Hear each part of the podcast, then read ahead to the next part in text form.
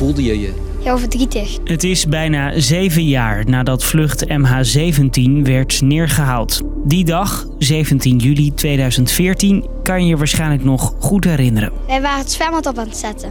En toen belde mijn moeder vanuit het werk. Ik zat op het strand bij Zandvoort en ik keek toevallig op mijn telefoon. En toen zag ik dat er een, eh, ja, een vliegtuig vanaf Schiphol, geloof ik, was neergestort. Er zijn nog steeds veel vragen over deze ramp. En na veel voorbereidende zittingen is nu de echte behandeling van het MH17-proces begonnen. Naar welke antwoorden zijn de rechters op zoek? En waarom duurt het zo lang voor er een uitspraak is? Ik ben Marco en ik leg het je uit. Lang verhaal kort. Een podcast van NOS op 3 en 3FM. Eerst terug naar die 17 juli 2014. Het is iets voor 12 uur 's middags. Op Schiphol mogen de eerste passagiers naar de gate voor vlucht MH17 van Malaysia Airlines. We expect to start boarding your flight in the next 10 minutes. Aan boord van de Boeing zitten 15 bemanningsleden en 283 passagiers. Na een beetje vertraging vertrekken ze iets na half één. Met als bestemming Kuala Lumpur, de hoofdstad van Maleisië. Maar het vliegtuig komt nooit aan. Tegen half vier verdwijnt het van de radar boven het oosten van Oekraïne. Op die plek vechten rebellen met steun van Rusland tegen het Oekraïense leger. De rebellen willen onafhankelijk worden van Oekraïne. Goedemiddag, u kijkt naar een extra NOS-journaal in verband met nieuws uit Rusland. Het Russische persbureau Interfax meldt dat er een passagiersvliegtuig is neergestort in het grensgebied van Rusland en Oekraïne. Al snel wordt duidelijk, er is iets flink mis. Premier Rutte komt terug van vakantie. Deze prachtige zomerse dag eindigt in alle opzichten gitzwart. Alle 198 inzittenden kwamen om het leven, onder wie 196 Nederlanders. Het enige wat we kunnen doen en bidden voor hen. Dat ze in een go- op een goede plek terechtkomen. Dat was toen. Nu terug naar de rechtbank. Het Openbaar Ministerie heeft onderzocht dat rebellen het vliegtuig van Malaysia Airlines met een Russische boekraket hebben geraakt. Wie op de knop drukte om de raket af te vuren, is nog onduidelijk. Er zijn nu vier verdachten die volgens het OM meehielpen. Ze bestelden het wapen, reden dat naar de afvuurlocatie en vervolgens weer terug naar Rusland. En daarmee door hun toedoen vlucht MH17 is neergeschoten.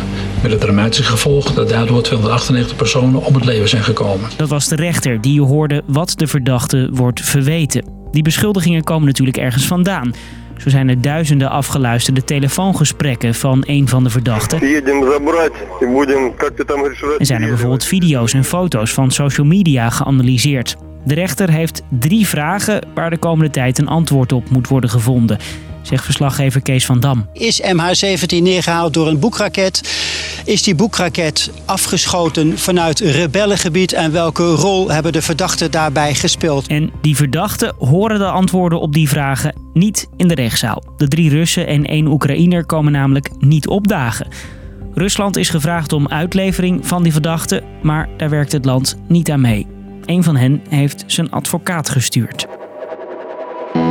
Dat is dus de kern van de zaak. Maar het gaat nog wel even duren voordat er een uitspraak is. Je hoort weer mijn collega Kees. Op zijn allervroegst, denk ik, eind dit jaar. Maar ik zou zeker niet, eh, zeker niet uitsluiten dat het pas begin volgend jaar wordt. Waarom duurt het allemaal zo lang? Eerst waren er 25 voorbereidende zittingen, waarin de verdachten wensen voor onderzoek in konden dienen. En nu zijn we bij de kern van de zaak, de inhoudelijke behandeling. Ligt een strafdossier van 65.000 pagina's op het bureau van de rechters. De komende tijd bespreken ze bewijsstukken uit dat dossier, vertelt verslaggever Matthijs van der Wiel. En bij een gewone strafzaak bladert de rechter dan meestal door een stapel papieren met meestal van die gekleurde plakkertjes ertussen. En hier gaat het ook weer helemaal anders. Hier hebben ze dat helemaal voorbereid en ook op papier gezet hoe ze dat gaan doen. Ze kunnen dat bewijs niet voorleggen aan de verdachte, zoals normaal gebeurt in een zaak, maar ze lezen het wel voor om transparant aan de hele wereld te laten zien hoe de rechtbank tot een oordeel komt. Ze zijn dus voorzichtig. Ze lijken iedere mogelijke kritiek van vooringenomenheid voor te willen zijn. Je weet hè, hoe vooral vanuit Rusland geprobeerd wordt dit proces in discrediet te brengen. Vervolgens mogen het Openbaar Ministerie en die ene advocaat ook stukken laten zien die zij belangrijk vinden voor de uitspraak.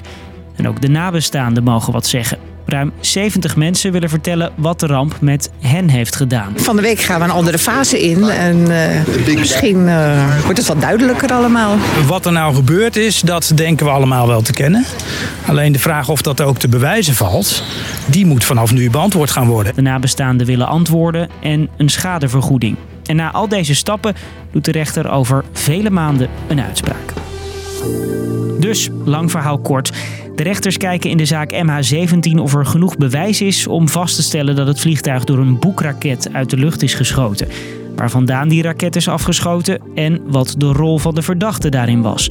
Het is een ingewikkelde zaak met duizenden pagina's aan strafdossier. Daarom duurt het nog lang voor er een uitspraak is. Heb jij nou een vraag bij het nieuws en wil je daar een lang verhaal in het kort over horen? Stuur dan je tip naar lvk.nos.nl. Bedankt voor het luisteren weer.